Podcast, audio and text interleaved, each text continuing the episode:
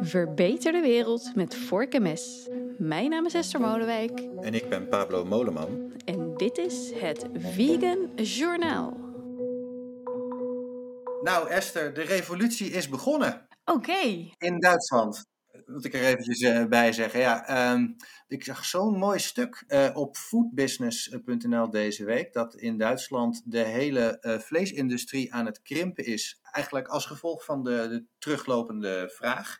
In Duitsland is dat dus eigenlijk, gaat het al een stuk harder dus, dan in Nederland. Want hier zien we dat de vleesconsumptie nou misschien net een beetje begint te dalen. Maar in Duitsland heeft het dus echt al verregaande gevolgen voor de vleessector. Die zich gedwongen ziet om te reorganiseren. Dus, eh, eh, dus het gaat er dan niet om dat er gewoon meer vlees geïmporteerd wordt en minder in Duitsland zelf geproduceerd, maar er wordt gewoon überhaupt minder vlees geconsumeerd. Er wordt minder vlees geconsumeerd en er wordt ook minder vlees geëxporteerd eh, door Duitsland. Dus de totale productie die gaat ook omlaag. En daar moeten die bedrijven iets mee. Eh, dus eigenlijk alle grote vleesconcerns in Duitsland die passeren ook in dat ar- artikel. Eh Danish Crown die moest een, eh, een slachtlocatie eh, sluiten en heeft de slachtcapaciteit in Bremen verlaagd met 40% eh Fion, een Nederlands bedrijf, heeft verschillende locaties in Duitsland. Die moesten vorig jaar meerdere sluiten. En zelfs de grootste slachter van Duitsland, Tönnies, die eh, moest een aantal rundvleesslachterijen sluiten het afgelopen jaar. Ja, dat zijn toch wel hele ehm, eh, mooie signalen vanuit ons buurland. Ja, heb je een idee wat, om hoeveel, hoeveel procent dat dan gaat, zo'n beetje die terugloop? Eh, ja, bijvoorbeeld het aantal geslachte runderen, dat daalde met zo'n 12%. En v- wat varkens betreft, daar werden tot een paar jaar geleden werden er ongeveer 800.000 à 950.000 varkens per week geslacht. Nou, dat Per zijn week? Sowieso krankzinnige aantallen natuurlijk. Ja. Eh, maar nu ligt dat tussen de 700 en de 750.000 per week. Ja, het zijn natuurlijk nog steeds, eh, elk varken is er één te veel. Maar het is wel echt een, een, een waanzinnige daling in de hoeveelheid eh, slachtcapaciteit die, er, die er nodig is. Paul, nou nou ga ik even je parate kennis testen hoor, maar heb je enig idee hoe de vleesconsumptie in Duitsland zich verhoudt tot die in Nederland?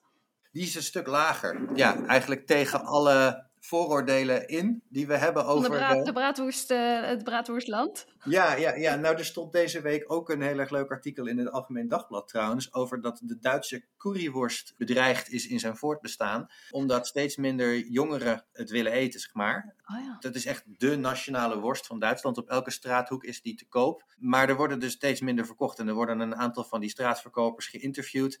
En eentje die zegt, ik zou vegetarische worsten gaan verkopen als ik nu opnieuw zou beginnen. Ik Oh zou- ja. Ik zou zeggen, het is nooit te laat. Uh, maar kennelijk voelt dat dan toch als een, uh, als een drempel. En een andere worstverkoper die zegt ook van ja, de, de, de mensen die nu op school en in de kinderdagverblijven zitten, die gaan gewoon geen vlees meer kopen. De, de jeugd koopt gewoon geen vlees meer. Dus die ziet het eigenlijk heel erg somber in voor de toekomst. Ja, ik zou dan toch denken van je kan toch heel makkelijk eventjes wat, wat vegetarische worsten op je grill gooien. Maar in, in elk geval, dus ja, het, het heeft dus niet alleen te maken met de milieuwetgeving, want dat is ook een reden dat de, dat de veestapel in Duitsland aan het krimpen is, maar ook echt een teruglopende vraag. Uh, zowel de vraag naar rundvlees als naar vark, varkensvlees, die zijn uh, beide hard gedaald in de afgelopen jaren. Kippenvlees helaas nog niet, daar zit zelfs een lichte stijging in. Ja, ja. Nou, uh, goed, de revolutie in curryworstland dus. Uh, ja, ja, ja. Ik, ik, ik, ken, jij, uh, ken jij Hartmoed Kiewert toevallig? Nee. Dat is een, ja, ik moest meteen aan hem denken eigenlijk toen ik dit nieuws las. Want Hartmoed Kiewert is een Duitse kunstenaar. En hij maakt prachtige utopische schilderijen van een, een, een veganistische toekomst. En een van zijn favoriete thema's, dat zijn slachthuisruïnes. En uh, hij heeft van die. Ik ben nu wel heel benieuwd. Dan zie je zo'n zie, zie je zo'n zo'n vervallen gebouw in een bosrijk landschap. En daar dartelen dan die dieren die daar vroeger geslacht werden, die dartelen daar dan vrolijk rond. En hij heeft ook echt uh, meerdere schilderijen gemaakt van een Danish Crown ruïne en een Fion ruïne en een Tönnies ruïne. Dus die, die, en dat zijn precies die bedrijven die, die je net noemde, die nu uh, ja. aan het krimpen zijn. Oh, wat goed. Wat zal ja, die man dus, blij zijn? Ja, zijn, zijn visie wordt nu langzaamaan uh, werkelijkheid. Ja. Ja, oké. Nou, uh, in Nederland is, uh, uh, ja, laat ik het zo zeggen, een stukje vleesproductie opgeschaald, maar dan de kweekvleesproductie. Je hebt het vast ook uh, gelezen. Moza Meat, onze Nederlandse kweekvlees-startup, die opent op 9 mei een nieuwe fabriek uh, voor de opschaling van hun kweekvleesburgers. En die fabriek telt zo'n 2700 vierkante meter en hij is in Maastricht gevestigd. En ze gaan de komende weken nog uh, opstarten met de productie en dan verwachten ze zo'n 10.000 dun gekweekte hamburgers per jaar te maken. Nou, dat is natuurlijk nog niet zo heel veel als je dat uh, uh, tegen de huidige vleesconsumptie en, en vleesbedrijven afzet. Maar ze kunnen zelfs ook opschalen naar honderdduizenden. En het is misschien goed om te noemen dat die burger voor twee derde uit kweekvlees bestaat. Hè? Dus dat zijn dan die gekweekte spier- en vetcellen die ze mixen. En voor een derde uit sojabestanddelen. En wat ze wel heel slim hebben gedaan, is dat ze ook een Michelin-chefkok hebben toegevoegd aan hun team, Hans van Wolde. Om ja, de receptuur nog meer te verbeteren. En die zei uh, ja, dat hij eigenlijk bij de eerste keer proeven werd weggeblazen door de rundvleesmaak en het geweldige mondgevoel van het rundvet. Weet je nog, Pablo, dat geweldige mondgevoel van wat rundvet? Ik moet heel eerlijk zeggen dat het water mij nu niet in de mond druipt. dit hoor. Maar uh, nou, ik zal het wel een keer proeven over, uh, over een aantal jaar. Ja, ja, ik hoop eerder. Ja, want dus, dat is uh, inderdaad goed om te noemen. het is dus nog niet toegestaan in Nederland. Want die producten moeten dan nog goedgekeurd worden door de Europese Voedsel- en Warenautoriteit. Maar ze verwachten wel binnenkort al producten in Singapore op de markt te kunnen brengen. Dat is trouwens wel interessant. Ik heb me nog even in dat Singapore verdiept. Uh, want ja, het lijkt wel alsof iedereen die soort uh, innovatief kweekvlees, uh, precision fermentation-achtig voedselproduct heeft, naar Singapore gaat. Want daar staan ze veel meer open voor dat soort innovaties. En dat is eigenlijk ook wel interessant. Ze hebben dus in hun nationale speerpunten staan zelfs letterlijk uh, kweekvlees, omdat zij dat zien als een manier om ja, minder afhankelijk te worden van import. En om hun eigen voedselzekerheid te waarborgen. Want het is een klein land en ze, ze hebben weinig landbouwareaal. En op dit moment zijn ze dus voor 90% afhankelijk van import. Dus ja, zij zetten echt in op dit soort innovaties. Dus ja, ik ben benieuwd of het binnenkort een land wordt waar, uh, ja, waar je een soort van uh, vegan reisje naar kan gaan boeken om uh, je de hele dag te goed te doen aan de nieuwste kweekvlees-innovaties. Ja, misschien wel het, het eerste veehouderijvrije land in de wereld. Ja. Ik, ik, ik denk dat ze de Duitsers wel gaan inhalen over een, over een aantal jaar. Ja, in, in, in de VS mag het binnenkort ook verhandeld worden. Maar ja, als productie is er natuurlijk ook nog niet naar om dan gelijk alle staten van, uh, van kweekvlees te bedienen. Dus zo'n zo'n klein, dichtbevolkt uh, land is natuurlijk ook ideale kweekvleesvijver om, ja, ja. om, uh, om, om te beginnen met je, met je opschaling. Ja. Ja. Trouwens nog even interessant wat jij zegt over die productie. Want ik weet dat ze in 2013 presenteerde Mozambique hun eerste kweekvleesburger. Dat was toen met best wel veel bombarie. En die kostte toen volgens mij rond de 2 ton, 250.000 euro, zoiets. Mm -hmm. Ja, en we zijn nu dus tien jaar verder. En hij gaat nu dus, ja, in zekere zin kunnen ze hem nu commercieel gaan produceren. Ik geloof dat ze nu rond een tientje voor twee burgers uh, zitten. Oké. Okay. Dus dat is best wel heel snel gegaan, het uh, betaalbaar maken van dat product. Ja, als we die lijn uh, doortrekken, dan krijgen we hem over nog tien jaar gratis. Ja. De, de National Cattlemen's Beef Association, dat is de belangrijkste uh, rundvleeslobbygroep in de Verenigde Staten, uh, die is een opleiding begonnen voor uh, ja, eigenlijk rundvleeslobbyisten of influencers. En um, die, die opleiding die heet een MBA, de Master of Beef Advocacy. Um, daar hebben tot nu toe al meer dan 21.000 mensen aan meegedaan. En tot nu toe was er eigenlijk niks over bekend. Maar één van die 21.000 leerlingen is nou, vrij letterlijk uit de school geklapt. Want dat was een uh, undercover journalist van The Guardian. En die heeft daar een heel, uh, ja, toch wel sappig verhaal over geschreven. Over wat een schijnopleiding uh, dat eigenlijk is. Je krijgt er sowieso geen, geen uh, masterdiploma van, ondanks de, de naam master. Ondanks de, de titel MBA, de titel die, MBA die die Amerikanen toch heel erg aan moet spreken. Ja. ja, maar wat ze dus vooral doen is ze zoeken eigenlijk mensen die invloedrijk zijn op het internet. Uh, die vragen ze dan om lid te worden van hun, hun schooltje. En die krijgen dan eigenlijk allerlei lobbyverhalen zeg maar, uh, toegediend met een wetenschappelijk sausje eroverheen. En die worden dan ook enorm opgejut en gevraagd om zoveel mogelijk die kennis online en offline te verspreiden. Om dat eigenlijk aan iedereen te vertellen en om actief discussie aan te gaan over die onderwerpen. En als je dan die uh, opleiding hebt afgerond, dan kom je ook nog in een Facebookgroep terecht.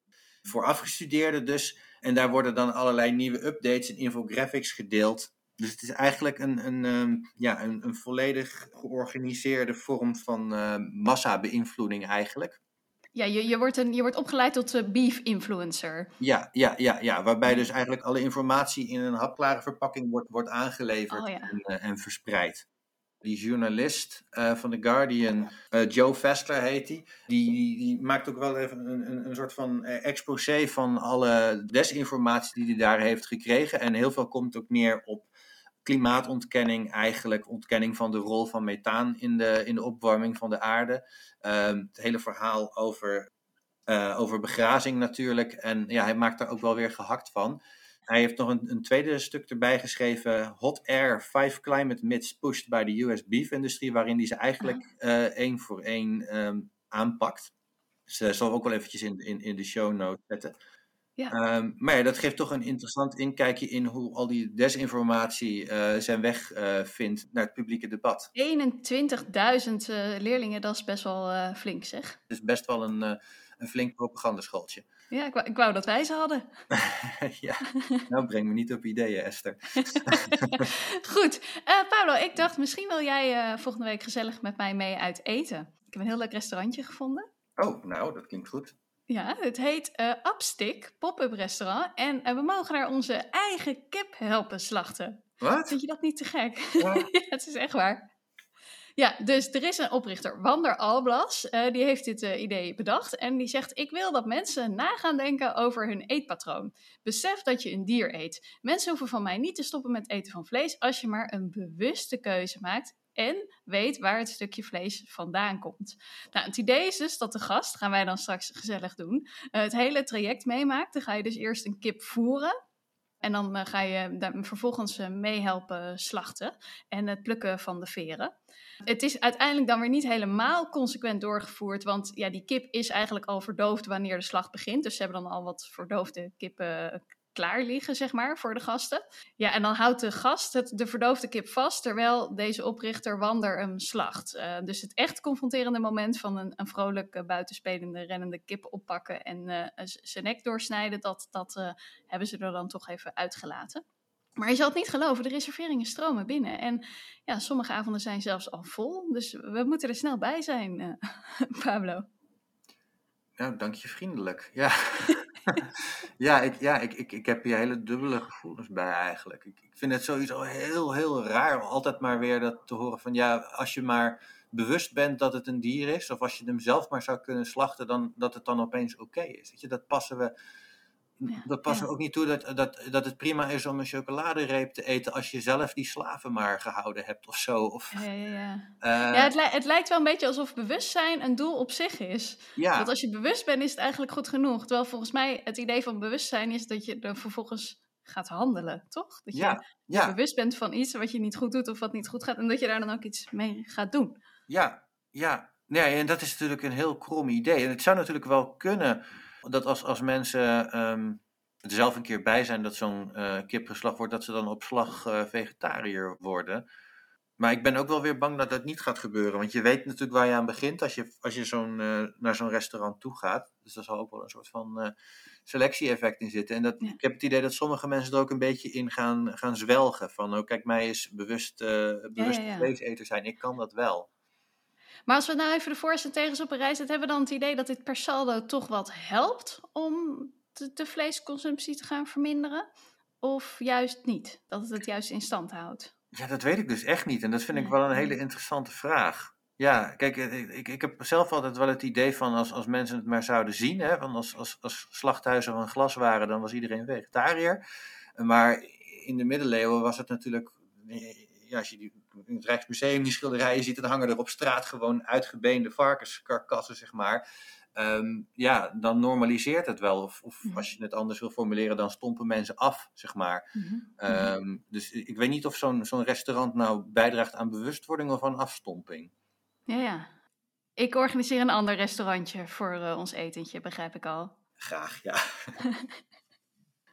Ehm, ja, en dan eh, goed nieuws voor veganistische uh, moeders. Uh, want een, nieuw onderzoek dat laat zien dat de moedermelk van, nou, van veganistisch. Ik heb het dan over mensenmoeders trouwens, niet over kalvermoeders. dat die van dezelfde kwaliteit is als de moedermelk van niet-veganistische moeders. Dat was nog nooit eerder goed onderzocht en er waren wel wat zorgen bij.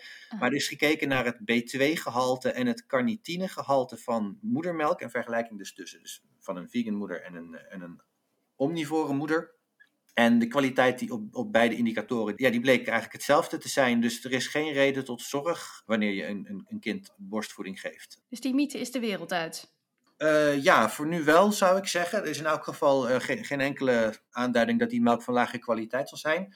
Uh, wel vinden ze het een interessant onderwerp om verder onderzoek naar te doen. Zo is bijvoorbeeld nog niet bekend wat het precieze mechanisme is waardoor uh, die B2 en carnitine op niveau uh, worden gehouden. En er kan bijvoorbeeld ook nog onderzoek worden gedaan naar vitamine D en naar zink. Mm-hmm. maar B2 en carnitine waren eigenlijk volgens de onderzoekers de belangrijkste stoffen om te onderzoeken. En die zijn dus gecoverd omdat uh, carnitine, dat is een stof die die baby's niet uh, zelf aan kunnen maken, maar volwassenen maken dat aan. En uh, de vraag was dus, als je geen vlees of zuivel eet, of je daar dan zelf nog, ja, genoeg bouwstof hebt om dat aan te kunnen maken.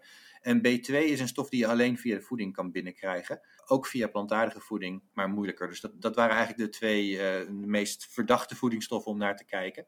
En B12, ehm, daarvan zeiden de onderzoekers eigenlijk dat het niet zo relevant was om die te onderzoeken omdat de vrouwen in hun studie eigenlijk allemaal uh, B12 slikten om de tekorten te voorkomen. Dus goed nieuws voor de veganistische moeders, of beter gezegd, ze, ze hoeven zich geen zorgen te maken.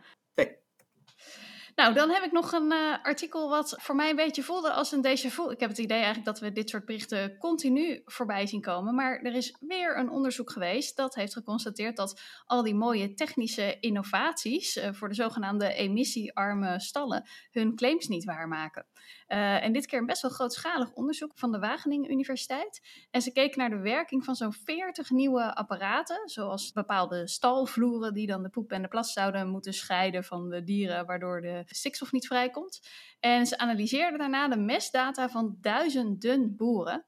En wat bleek, bij pluimveehouders en varkensboeren verlagen de apparaten de uitstoot een kwart tot de helft minder dan geclaimd wordt door de fabrikanten. En in de helft van de gevallen doen de apparaten niet wat in de verkoopbrochure wordt beloofd. Dat is natuurlijk best wel fors. Ja, en dit is natuurlijk ook best wel pijnlijk voor het kabinet en dan vooral uh, minister Adema, want die gelooft uh, heilig in dit soort innovaties. En eigenlijk uh, heeft hij 1,2 miljard euro nu gereserveerd voor dit soort oplossingen binnen dat totale stikstoffonds van 24,3 miljard euro. Dus het idee was dat dit soort innovaties ja, de stikstof naar beneden zouden moeten brengen, waardoor de veestapel niet zou hoeven krimpen.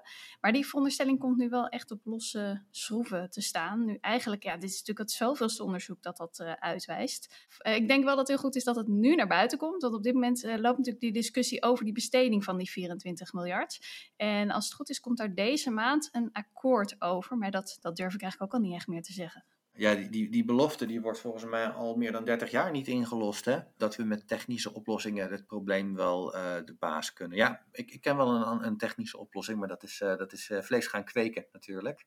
Maar dit, dit, is toch een beetje, ja, dit voelt toch een beetje als, als gerommel in de marge. Ik las in zo'n, in zo'n boerenmagazine dat de boeren hier natuurlijk best wel zenuwachtig van worden. Ja, want die zien gewoon dat dat, dat ja, mogelijk zou betekenen dat ze minder dieren moeten gaan houden als ze binnen de stikstofruimte die ze vergund is, willen doorgaan met boeren. Dus uh, ja, dit heeft weer voor onrust gezorgd. Ja, ja begrijpelijk. Ja. Nou, Pablo, met dit, dit zich steeds al maar herhalende bericht, denk ik dat we hem af gaan sluiten. Ja, dat is goed. Ja, ik zou zeggen tot over twee weken, maar in dit geval wordt het tot over drie weken, het volgende Vegan Journaal. Want ik heb een hele spannende primeur over twee weken. En daar ga je ons nu iets over vertellen? Ja, nou, eigenlijk nog niet. Nee, nee dus ik, uh, ik, ik houd jullie gewoon in spanning. Nou, dat wordt dan wel een hele spannende Spannend, primeur. Hè? Als we hem niet mogen horen. Ja, en dus een, een extra nieuwsdichte uitzending over drie weken. Precies, ja, doen we dat. Tot dan. Tot dan.